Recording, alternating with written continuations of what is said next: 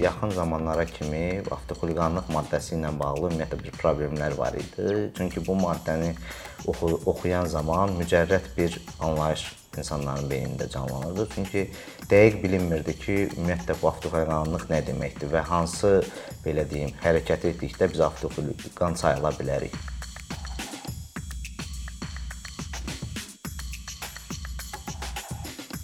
Hər bir sürücü müəyyən dövrdə avtoxuliqan anlayışı ilə rastlaşır. Ümumiyyətlə avtoxuliqan kimdir və bu anlayış qanunvericiliyə niyə əlavə edilib?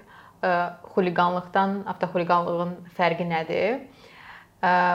Bu mövzunu Vəkillər Kollegiyasının üzvü İsrafil Əlili ilə müzakirə edəcəyik. İsrafil bəy, xoş gəlmisiniz. Salam Ayşə xanım, təşəkkür edirəm dəvətiniz üçün. Xoş gördük. İsrafil bəy, ümumiyyətlə avtoxuliqanlıq ə, nədir və xuliqanlıqdan fərqi nədir və ümumiyyətlə bu anlayış qanunvericiliyə niyə əlavə edilib? İlk öncə qeyd etmək istəyirəm ki, xuliqanlıq anlayışı ümumiyyətlə bizim qanunvericilikdə 3 maddədə keçir və 3 maddənin adında xuliqanlıq sözü keçir. Birinci Cinayət Məcəlləsində xuliqanlıq adlı maddə var. Digər ikisi isə İnzibati Xətalar Məcəlləsindədir. Müvafiq olaraq xırda xuliqanlıq və avtoxuliqanlıq adlanır və qeyd edeyim ki, bu maddələr ard-arda gəlir. 510 və 511-ci maddələr. Ümumiyyətlə xuliqanlıq sözünün biz mənşəyinə getsək, iddialara görə 19-cu əsrdə Londonda milliyyətcə İrland olan Patrik müəllim olur və onun soyadı Holigan olur və həmin Patrik Holigan öz ailəsi və xırda dəstəsi ilə mütəmadi olaraq cinayətlər törədir həmçinin qarətlər və hətta sonda bir polis işçisini qətlə yetirməkdə təqsirləndirilir və e, ömrünün sonuna kimi həbsxanada keçirir.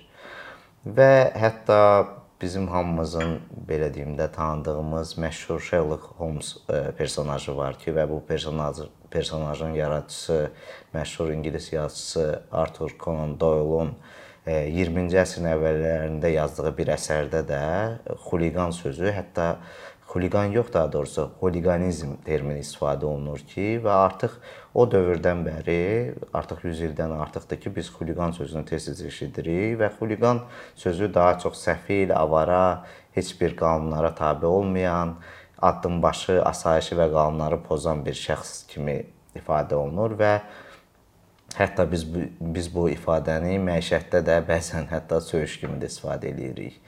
Və bizim qanunvericilikdə də xuliqanlığın bir tərifi var. Bu tərif isə belədir ki, ictimai qaydanı kobud və nümayişkara nəsə sürətdə pozan və həmçinin cəmiyyətə açıqca hörmətsizlik ifadə edən şəxsə biz xuliqan deyirik. Avtoxuliqan isə təbii ki, sözdən də göründüyü kimi bu qaydaları və açıqca hörmətsizliyi avtomobilin və yaxud digər mexaniki nəqliyyat vasitəsinin köməyi ilə edir. Kimlər avtoxuliqan hesab edilir bizim qanunvericiliyə görə? E, Ayşə xanım, qeyd etmək istəyirəm ki, bu yaxın zamanlara kimi avtoxuliqanlıq maddəsi ilə bağlı ümumiyyətlə bir problemlər var idi. Çünki bu maddəni oxu oxuyan zaman mücərrəd bir anlayış insanların beynində canlanırdı. Çünki dəqiq bilinmirdi ki, ümumiyyətlə bu avtoxuliqanlıq nə deməkdir və hansı belə deyim, hərəkət etdikdə biz avtoxuliqan sayıla bilərik. Və bu da təbii olaraq dövlət yol polisinin bəzi əməkdaşları bəzi hallarda manipulyasiya hallarına e, yol verirdi və vətəndaşların e, belə deyim, yersiz cərimələnməsinə və onların bəzi hərəkətlərinə don gedilərək avtoxuliqan kimi rəsmiləşdirilməsinə səbəb olurdu. Hətta mənim təcrübəmdə də qurbanı olmayım, az qala qurbanı olacaqdım. Demək ki, 19 e, yaşım var idi və mən öz avtomobilimlə Rəşid Behbudov küçəsində hərəkət edərkən sağdan bir avtomobili asta sürətlə keçdim və bu zaman məni yəni dayan əmri gəldi dövlət yol polisinin əməkdaşı tərəfindən. Mən maşını saxladım və nə etdiyimi soruşanda mənə avtoxuliqanlıq etdiyimi söylədilər.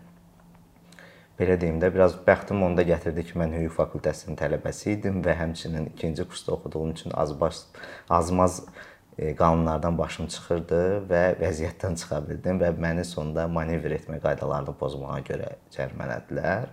E, xoşbəxtdən keçən il e, artıq müvafiq dəyişikliklər oldu və artıq konkretləşib ki, hansı hərəkətlərin, əməllərin törədilməsi avtoxuliqanlığın tərkibini yaradır və burada 3 əsas göstərilir. Birincisi odur ki, aşkar sürətdə 2 və ya daha çox avtomobilin iştirakı ilə sürət yarışının həyata keçirilməsi. İkinci odur ki, mexaniki nəqliyyat vasitəsinin, yəni avtomobilin və yaxud motosikletin ən azı bir təkərinin yer səthindən qaldırılaraq idarə edilməsi. Yəqin ki, sizin də yadınızda olar, təxminən bir 15 il bəlkə də daha e, əvvəllər bu e, pis tendensiya var idi. Bu əsasən də VAZ 210707 deyirlər. E, bu iki təkər qaldırmaq hardasa hətta bəzən qəhrəmanlıq kimi təlqin olunurdu. Bəs və onların o şəhərin mərkəzi küçələrində o, o vaxt 5 mərtəbə dairəsi məşhur idi. O avtoş deyirlərdi həmin adamlara. El arasında avtoşların yığıldığı yer. Onların o etdiyi əməllər, o avtomobili iki təkər qaldıraraq sürməkləri, sürət yarışları keçirmələri avtoxuliqanlıq idi. Hətta yəni qanun bizə iki təkərdən az, yəni bir təkərin qalxaraq idarə olunmasını artıq avtoxuliqan kimi təyin etməyə icazə verir. E, və son zamanlar məsələn bu yemək daşıma şirkətlərinin biz e, kuryerlərini addımbaşı paytaxtımızda görürük. Mən özüm neçə dəfə şahid olmuşam ki, onlar əsasən bu motosiklet e, sürücülərdir və motosikleti məsələn bir təkərinin e, qabağını qaldıraraq belə deyim, hansısa məqsədlə bilmirəm, e, idarə eləyirlər müəyyən bir müddət. Həmin hərəkətdə avtoxuliqanlıq kimi bizim qanundan təsbit olunur. Və üçüncü əsas isə avtomobili qəflətən sürətləndirməklə təkərin yer səthi ilə sürtünməsi səslərinin çıxarılması, həmçinin təkərin yer səthi ilə çoxlu sayda təkər izlərinin buraxılması, bu da e, belə deyim avtoxuliqanlıq sayılır. Buna biz el arasında zimeykalamaq deyirik. Və lakin e, bu avtoxuliqanlıq maddəsinin sonunda belə bir qeyd yazılıb ki, əgər yol nəqliyyat hadisəsinin qarşısını almaq üçün e, maşın e, belə deyim e, sərt tormozlama verərsə və bu zaman gürültü səsləri çıxarsa və yaxud yerdə çoxsaylı təkər izləri qalarsa, bu avtoxuliqanlıq kimi nəzərə alınmamalıdır. Çünki sözsüz ki, həmin adam qəzadan sığortalanmaq üçün bu hərəkəti etmək məcburiyyətində qalmışdır. Bəs bu qeyd elədiklərinizi belə ekstrem idman növü kimi görsək və bununla məşğul olmaq istəyən insanlar var. Onlar nə etməlidirlər ki, onların hərəkətləri həmin maddənin tərkibi ilə əhatə olunmasın və yəni buna bir idman kimi növü kimi yanaşıb, yəni məşğul ola bilsinlər bunlar bununla. Biz o motosiklet sürücülərindən danışdıq. Yəni onların belə həvəsi varsa, belə istedadları varsa fitri, onlar bu belə deyim, istedadlarını nümayiş etdirmək üçün xüsusi meydançalar var, e, xüsusi ayrılmış yerlər var. Mən dəqiq bilmirəm həmin yerlər ödənişlidir və yaxud ödənişsizdir, amma bu yaxınlarda bir reklamda qabağıma çıxmışdı ki, həmin yerdə hətta avtoblogerlər e, iki məsələn müqayisəli bir-birinə oxşar maşınların e, sürət yarışını həyata keçirirlər və bununla tamaşaçılara nümayiş etdirirlər ki, hansı maşın daha sürətlidir. Həmçinin e, yenə deyirəm, elə istedadı olanlar bizim mərkəzi küçələrində e, cəmiyyətin fərdlərinə təhlükə yaratmaq əvəzinə gedib o xüsusi ayrılmış və ətrafdan belə deyim də izolə olunmuş, heç kim heç kim üçün təhlükə yaratmayan yerlərdə öz e, belə deyim məharətlərini göstərə bilərlər. Bəs qaydaq onda e, onu e, insanlar üçün təhlükə yaradaraq edənlərə onları hansı növ məsuliyyət gözləyir? E, belə ki, e, bu üç əsas mən qeyd elədim ki, hansı ki, bunlardan üçündən birini edən artıq avtoxuliqan sayıla bilər. E, belə ki, bu hərəkətlərdən birini edilibsə və həqiqətən təqsirkardırsa, sürücülük hüququ 1 il müddətinə məhdudlaşdırılmaqla 500 manatdan 750 manata kimi cərimə və yaxud işin halları və həmin inzibati xətanı törədənin şəxsiyyəti nəzərə alınmaqla 15 gündən 1 ayadək inzibati hətta həbs də oluna bilər. Və e, eyni əməl bir il ərzində təkrar baş verərsə, yəni inzibati tənbeh vermə haqqında qərar qüvvəyə mindiyi gündən bir il ərzində yenidən törədilərsə, artıq burada 1 il yox, 2 il e, müddətinə sürücülük hüququ məhdudlaşdırılır və 750 manatdan 1000 manata kimi cərimə və artıq 1 aydan 2 aya kimi həbs oluna bilər hətta həmin şəxs və e, daha ağırlaşdırıcı e, bənddə nəzərdə tutulub ki, bu üç e, hərəkətdən birini edirsə və həmçinin e, müəyyən olunmuş sürət həddini 60 km/saatdan artıq ötməklə edirsə, bu zaman artıq yenə 2 il müddətinə e, sürücülük hüququ məhdudlaşdırılır və cərimələr biz burada görürük ki, xeyli artır. Artıq 2000 manatdan 4000 manata kimi cərimə oluna bilər və e, işin halları və şəxsiyyət həmin inzibati xəta törədəni nəzərə alınmaqla 1 aydan 2 aya kimi həbs oluna bilər. Bəs ə, e, bu cəza, daha doğrusu deyək, inzibati tənbeh müəyyən edilərkən ə, e, həbs tətbiq edilsin, yoxsa cərimə tətbiq edilsin, nələr nəzərə alınır? Yəni inzibati həbs məsələn kimə kimə tətbiq edə bilərlər? Ha, gözəl sualdır. Yəni bu suallar ə, e, sürücülər tərəfindən tez-tez verilir və o unutmamışkən bir şey də deyim, bunu bir çox vətəndaşlar oxuyarkən səhv salırlar. O üçüncü ağırlaşdırıcı hal var idi 60 km/saatı ötməkdə. Orda yəni o demək deyil ki, siz e, məsələn 61 ilə yolda gedirsinizsə, o zaman bu ağırlaşdırıcı haldır. Xeyr, yəni 60 km/saat icazə verilən yolda artıq 60 km/saatdan artıq, yəni 121 km/saatda gedirsinizsə və yaxud 110-luq yolda 171 ilə gedirsinizsə, siz artıq belə deyim də 2 aya kimi həbsdə oluna bilərsiniz və yaxud 4000 manata kimi cərimə oluna bilərsiniz.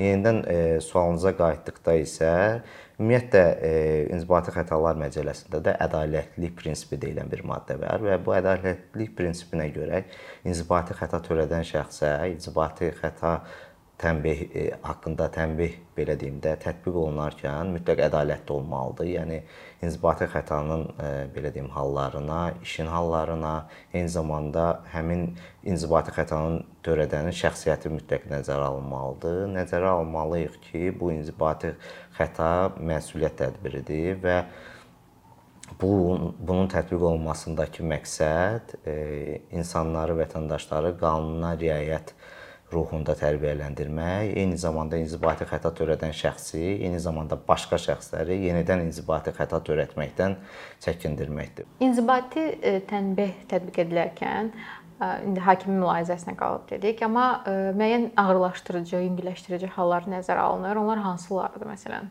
E, yəni bəli, hakim e, bu inzibati tənbihi e, barədə qərar verərkən e, yüngülləşdirici və ya ağırlaşdırıcı halları nəzərə almalıdır.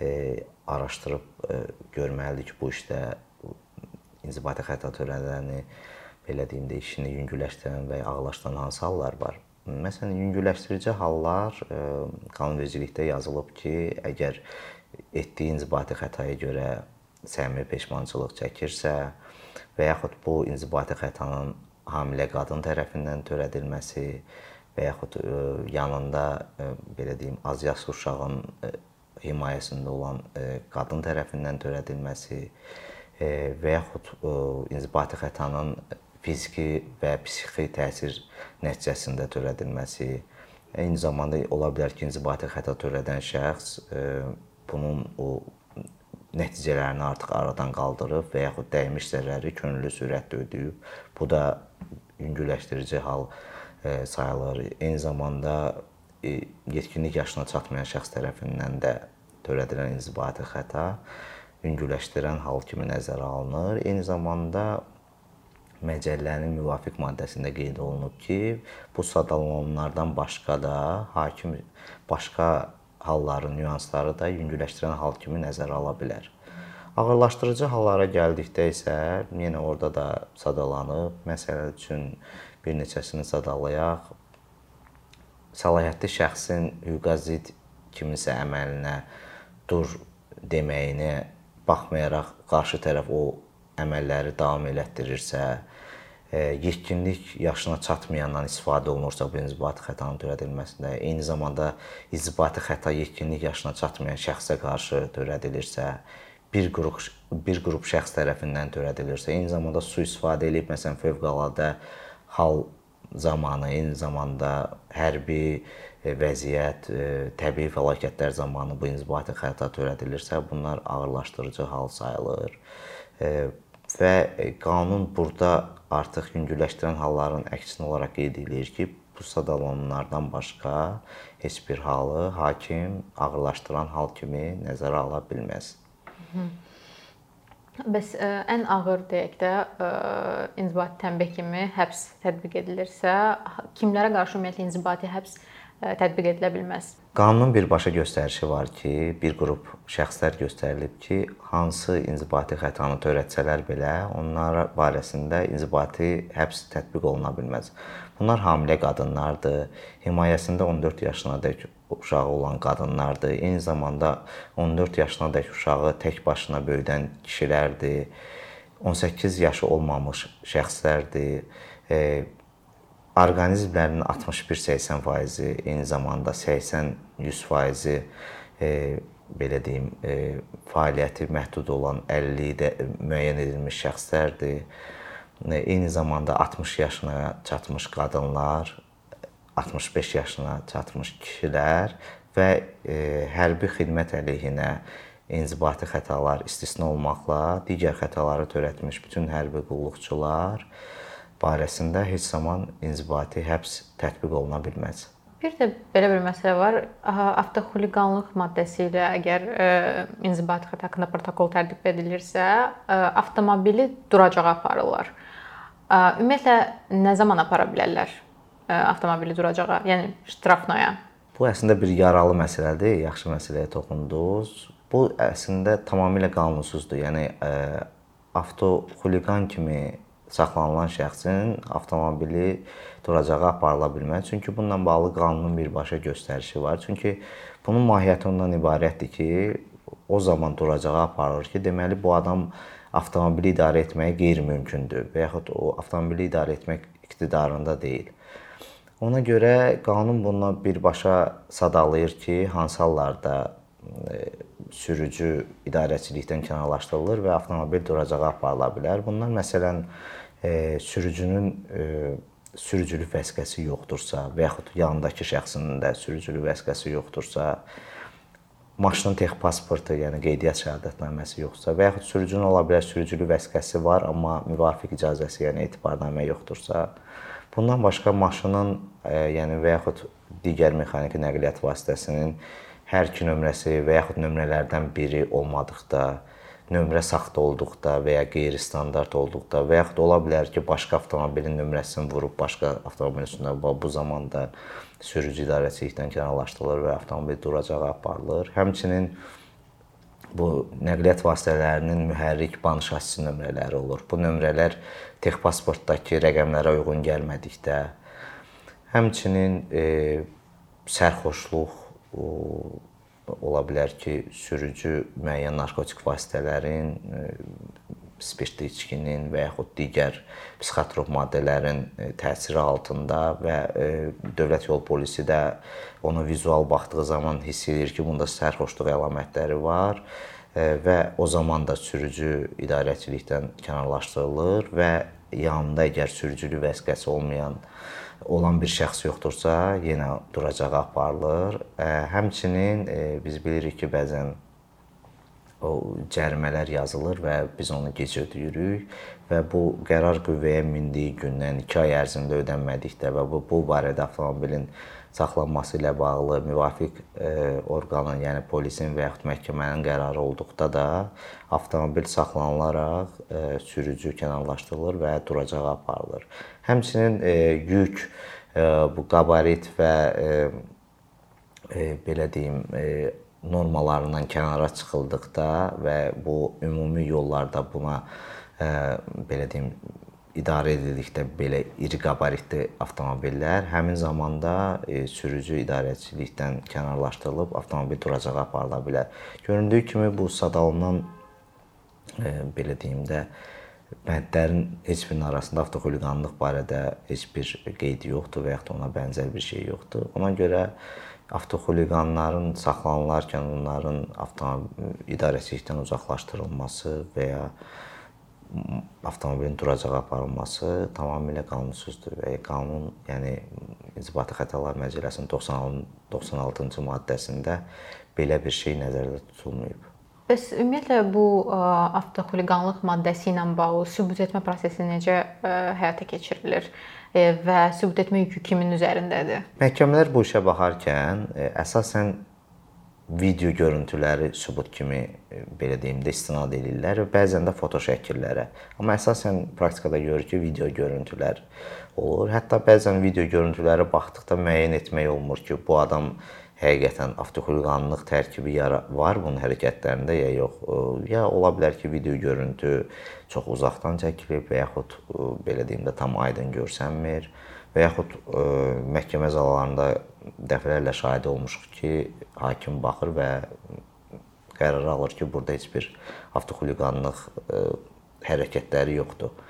Foto şəkillərdən də bəzən istifadə olunur. Biz üçüncü əsas dedik ki, o çoxsaylı təkər izləri buraxmaqla. O zaman məsələn foto şəkillərdən istifadə oluna bilər. Amma orada məsələn bəzən biz görürük ki, bir dənə təkər izinin şəklini çəkilir, məhkəməyə verilir inzibati orqan tərəfindən və bu zaman hakimlər təmin etməməlidir. Çünki qanunda da yazılıb ki, çoxsaylı təkər izi. Yəni bir təkər izinin olması hələ o anlama gəlmir ki, burada avtoxuliqanlığın tərkibi yaranıb. Eyni zamanda qeyd etməliyəm ki, burada sübut etmə yükü tam olaraq inzibati orqanın üzərinə düşür və yəni polis bunu sübut eləməlidir ki, bu adam həqiqətən avtoxuliqanlığı edilib və İnzibati Xətalar Məcəlləsində də yazılıb ki, inzibati xətaları törədən şəxs öz təqsirsizliyini sübut etməyə borclu deyildi və bütün şübhələr onun xeyrinə həll olunur. Yəni şübhə varsa, inzibati xətanın törədənin xeyrinə həll olunmalıdır bir mənalı. Düşünürəm çox informativ oldu. Çox sağ olun. Sağ olun, təşəkkür edirəm. Gəldiyiniz üçün. Minnətdaram. Wow.